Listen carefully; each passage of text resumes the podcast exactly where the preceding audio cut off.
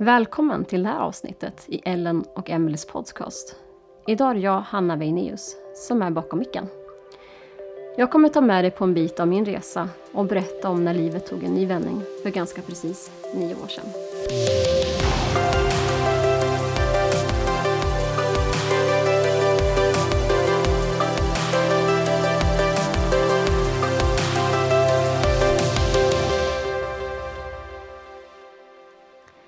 Nio år. Det låter länge sedan, men samtidigt känns det som bara igår. Vid det här tillfället hade jag jobbat klart för dagen och jag var på väg hem efter ett av mina arbetspass. Jag jobbade då på SOS Alarm där jag svarade på nödnumret 112. Väl hemma öppnade jag dörren till trapphuset och började gå upp för trapporna till min lägenhet som låg på andra våningen. Väl uppe var jag helt slut. Det var som att kraften hade runnit ur kroppen och jag kände verkligen inte igen mig själv. Jag slog dock undan tanken på att något kanske inte är som det ska och tänkte att jag nog bara var trött. Någon vecka senare så hälsade jag på mina föräldrar som bodde en bit ifrån. Och när jag skulle lägga mig den kvällen så blev jag rejält yr. Det hjälpte inte att jag la mig ner. Allt snurrade. Efter en stund knackade jag på mina föräldrars sovrumsdörr och berättade hur läget var. Och jag beskrev hur jag hade känt i kroppen den sista tiden och att jag inte kände igen mig själv. Vi pratade länge. Och min mamma sa efter en stund, Hanna, det är nog stressrelaterat. Redan dagen efter fick jag kontakt med läkare där jag beskrev situationen och kort därefter blev jag sjukskriven för utmattningssyndrom. Att bli sjukskriven för utmattning som 26-åring var långt ifrån mina planer som man kan komma. Jag bodde i Östersund och hade ett par månader tidigare tagit en kandidatexamen i sociologi med inriktning mot risk och krishantering. Jag hade siktet inställt på så småningom jobba inom polisen, vilket var en dröm som jag haft sedan tonåren. Under tiden som jag hade pluggat sociologi jobbade jag som väktare och flygplatskontrollant. Utöver det så tränade jag och tävlade jag på hög nivå i bänkpress och var engagerad i en kyrka ett par dagar i veckan med bland annat ungdomsarbetet. Utöver det, utöver det eh, spelade jag innebandy och träffade vänner och familj. Jag trivdes med livet och gillade att ha ett högt tempo och få mycket gjort. Jag var dock noggrann med att ah, ha en vilodag varje vecka. Men tyvärr var det mer av en kraschdag då jag låg i sängen helt slut och kollade på Netflix. När jag sedan började jobba på SOS Alarm efter examen så drog jag medvetet ner på tempot en aning för jag insåg att jag hade lite väl många järn i elden. Tyvärr var det för sent och livet fick sättas på paus. Till en början trodde jag att sjukskrivningen bara skulle vara ett par veckor eller två. Och sen skulle jag vara tillbaka igen. Faktum var att när jag väl blev sjukskriven så blev det många resor värre. Det var som att kroppen flippade ur. Förutom trötthet, som inte går bort när man vilar eller sover, så hade jag en hel del yrsel, sömnsvårigheter, ångest och panikkänslor som kan beskrivas mer som ett tryck över bröstet. Muskelryckningar över bröstkorgen, hjärtklappning, bara att stå och diska. Huvudvärk i flera veckor i sträck, hjärntrötthet, spänningar i ansiktet och käkarna. Jag kunde inte läsa en tidning eller se något som helst på tv utan att bli yr. Som var spännande. Och folksamlingar blev jag helt slut av och fick bakslag som kunde hålla i sig ett par dagar efteråt. Jag fick ställa in det mesta. Hade jag en sak inbokad i kalendern så behövde jag ofta ha flera dagar av återhämtning. Pulshöjande aktivitet som jogging gick inte alls då kroppen direkt reagerade med stresspåslag, likt mer en panikattack. Det hände att jag skulle sätta på mig kläderna för att gå och träna, men jag kom inte längre än att jag blev sittandes kvar på golvet hemma i hallen. När jag var som tröttast kunde dagsprojektet vara att gå och duscha. Det första halvåret var nog värst, då det gick sakta framåt och med flertalet bakslag. I samtal med en beteendevetare så insåg jag efter ett tag att det hade varit mitt sätt att leva som hade gjort mig utmattad. Jag förstod att jag var tvungen att lägga om hela mitt liv. Till en början lade jag ner alla mina engagemang, satte paus i min bänksatsning och någonstans nollställde jag allt. Mycket av min identitet på den tiden satt i det jag gjorde. Så när jag satte livet på paus var det som att plocka av mig min identitet. Lager för lager, tills det bara var jag, Hanna, kvar. Vem är jag då utan allt jag gör? Det var tufft att möta det till en början. Men jag kunde ändå känna att mitt värde inte satt i allt jag gjorde till slut, utan vem Gud säger att jag är. Ett Guds barn och att han omsluter mig på alla sidor och håller mig i sin famn. Och i det så fann jag ett lugn och ett hopp. När jag blev sjukskriven så började jag läsa på en hel del om utmattningssyndrom och läsa om andra i liknande situation. Utmaningar och olika tävlingar har ofta sporrat mig och jag såg detta som en utmaning att försöka komma tillbaka så snabbt som möjligt igen. Men jag förstod till slut att jag behövde tänka om. Det här är ju ingen tävling. Det skulle förmodligen ta tid, säkert flera år att bli stark och lära mig att leva på ett sätt som är hållbart över tid. En bok som verkligen kom att spela stor roll i mitt sätt att förhålla mig till vila och återhämtning, det var Thomas Sjödins bok Det händer när du vilar. Innan jag läste denna bok var min vilodag lite mer av en kraschdag i slutet av veckan, som jag nämnde tidigare. Han beskriver i sin bok hur judarna, hur judarna startar sin vecka med sabbat. Alltså vila inför veckan som kommer och inte efter veckan som gått. Det blev en ögonöppnare för mig. Jag insåg också att jag behövde ha ett annat livstempo. Med mer tid för vila även i vardagen. Inte köra gasen i botten sex dagar i veckan. Så med de insikterna började jag successivt ändra om livet.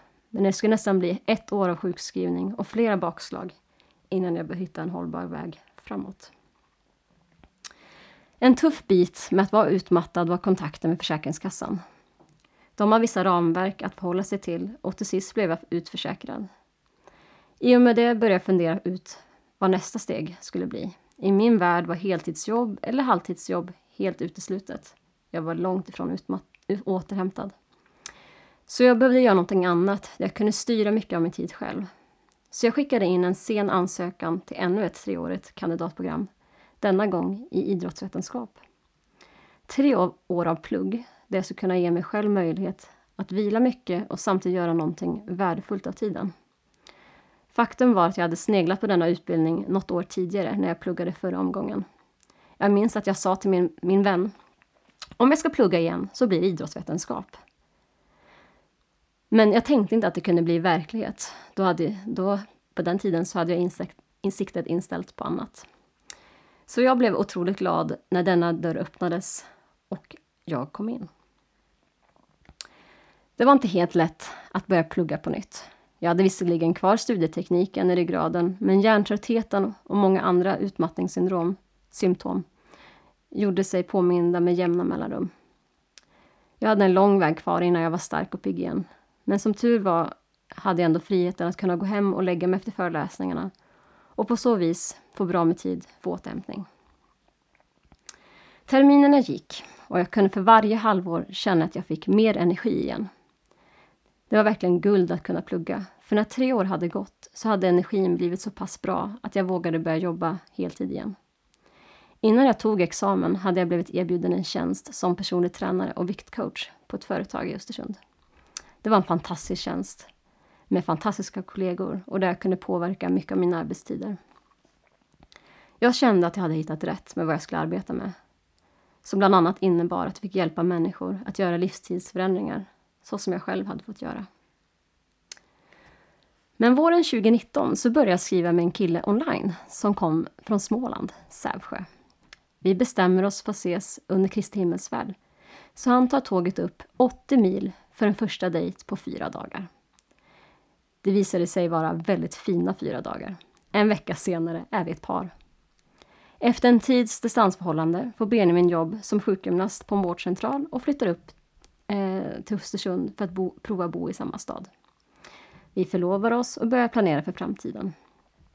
Planen var att bygga ett liv i Östersund med fjällen runt knuten. Men i slutet av sommaren går flyttlasset istället tillbaka till Sävsjö. Sävsjö av alla ställen. Inte trodde jag att jag skulle hamna där. Vi gifter oss och börjar strax efter börja jobba på en plan som vi har hållit för oss själva sedan en tid. Nämligen att starta företag inom träning och hälsa. Ända sedan vi blev ett par har många runt oss sagt att vi borde göra någonting tillsammans då vi är inom samma bransch. Jag som PT och Benjamin som sjukgymnast.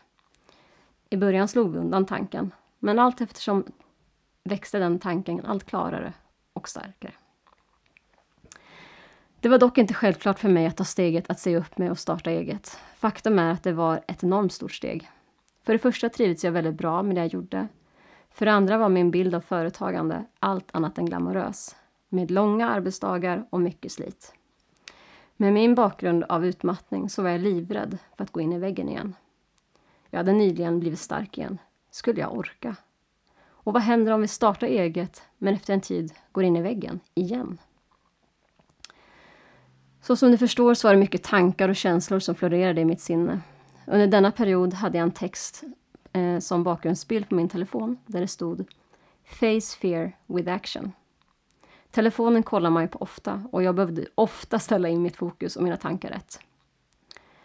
Så till sist, med mycket bävan, så sa jag upp mig från min tjänst som jag hade tjänstledigt från och drog igång starta företag-processen, det vill säga med Bolagsverket och Skatteverket och så vidare.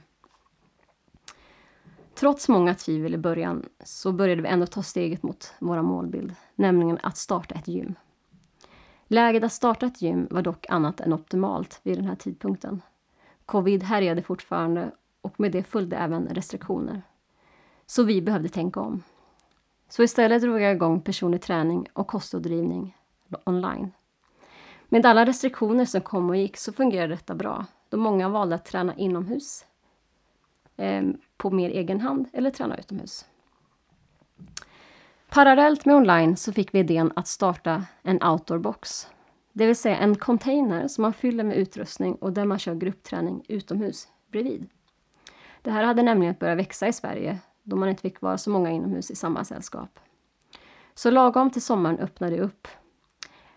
Och, online, och om online hade gått bra på nästan en gång så var känslan med outdoorbox inte densamma. Första tiden tänkte både jag och Benjamin flera gånger, vad har vi dragit igång? Kommer folk förstå grejen med att träna utomhus på det här sättet? I början kunde det komma någon enstaka på passen och det kändes lite trögt att jobba in. Men allt eftersom så började det växa och lagom till hösten så lossnade det och det var en god känsla. Vi höll utomhusträningspass i ur och skur i alla väder. Ja, förutom en gång när det åskade. Gymplanerna då? Hade vi släppt dem? Nej. Vi hade ögonen och öronen öppna hela tiden. Vi kollade på flertalet lokaler och hade ett par, ett par bra erbjudanden som vi funderade seriöst kring. Till slut under hösten 21 så skrev vi på för vår lokal, vårt blivande gym. Det var ett stort steg i tro för oss båda, då det skulle handla om helt andra kostnader och medlemsantalet var tvunget att öka markant för att denna satsning skulle gå runt. Vi hade tagit mycket inspiration från andra framstående gym och vi visste tidigt att vi ville ha bra kvalitet på utrustningen från start. Hösten 21 och våren 22 innebar otroligt mycket jobb. Det är tur att man inte alltid vet hur mycket det krävs när man drar igång ett projekt. Offerter ska in, kontakt med olika leverantörer, marknadsföring, planering och återplanering. Tre steg framåt och ett steg bakåt. Då vi bland annat åkte på patrull med vårt bygglov. Bara det är ett poddavsnitt i sig. Men tack och lov så ordnade det sig. Så till slut, i maj 22, kunde vi till sist öppna upp dörrarna till Krafthälsan gym. Och vilken öppning det blev! När vi öppnade upp för öppet hus så bokstavligen strömmade det in människor. Jag minns att jag stannade upp flera gånger och bara njöt av all fin respons.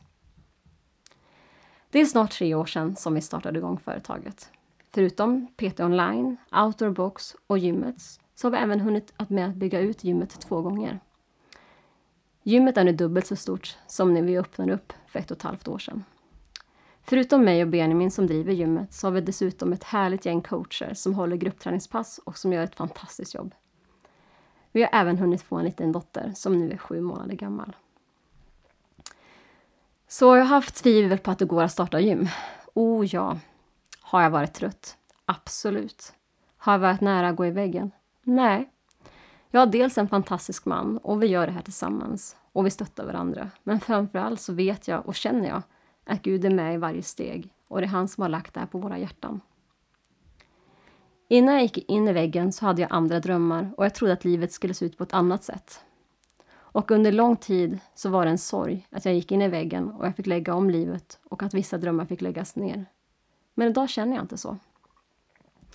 Under en gudstjänst för en tid sedan så predikades det över ett stycke i Bibeln där det står om när Jesus var på bröllop och när vinet till bröllopsgästerna tog slut. Man kan läsa hela berättelsen i Johannes evangeliet kapitel 2.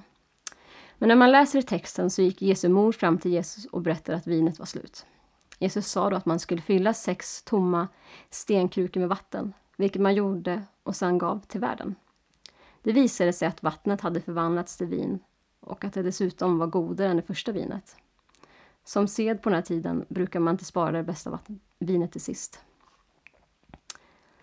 Dessa versar fick i och med den här predikan en helt ny innebörd. Mina gamla drömmar, alltså innan utmattningen, var vinet som tog slut. Men de nya drömmarna är vattnet som förvandlades till det nya vinet, det vill säga både godare och bättre. Den här predikan la sig som bomull i mitt hjärta och idag känner jag mer tacksamhet än sorg. Jag är tacksam för alla erfarenheter som jag fått i och med utmattningen. Tacksam för att jag har blivit stark igen och skapat en livsstil som är hållbar. Tacksam för att jag vågade bli egenföretagare trots mina rädslor inför det. Tacksam för alla människor som jag får träffa och hjälpa. Tacksam för min familj, en ny stad, en ny kyrka och nya vänner. Så för nio år sedan så gick flera drömmar i krasch och livet fick sättas på paus. Men när jag kikar i backspegeln så kan jag verkligen se att Gud håller allt i sin hand och att han leder och förser med det vi, med det vi behöver i rätt tid. Så med de orden rundar jag av det här avsnittet. Tack för att du har lyssnat.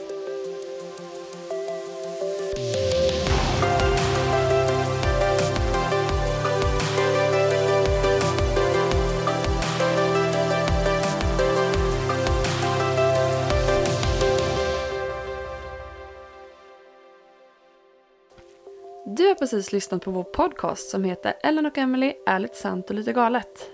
Jättekul att du har valt att lyssna på oss.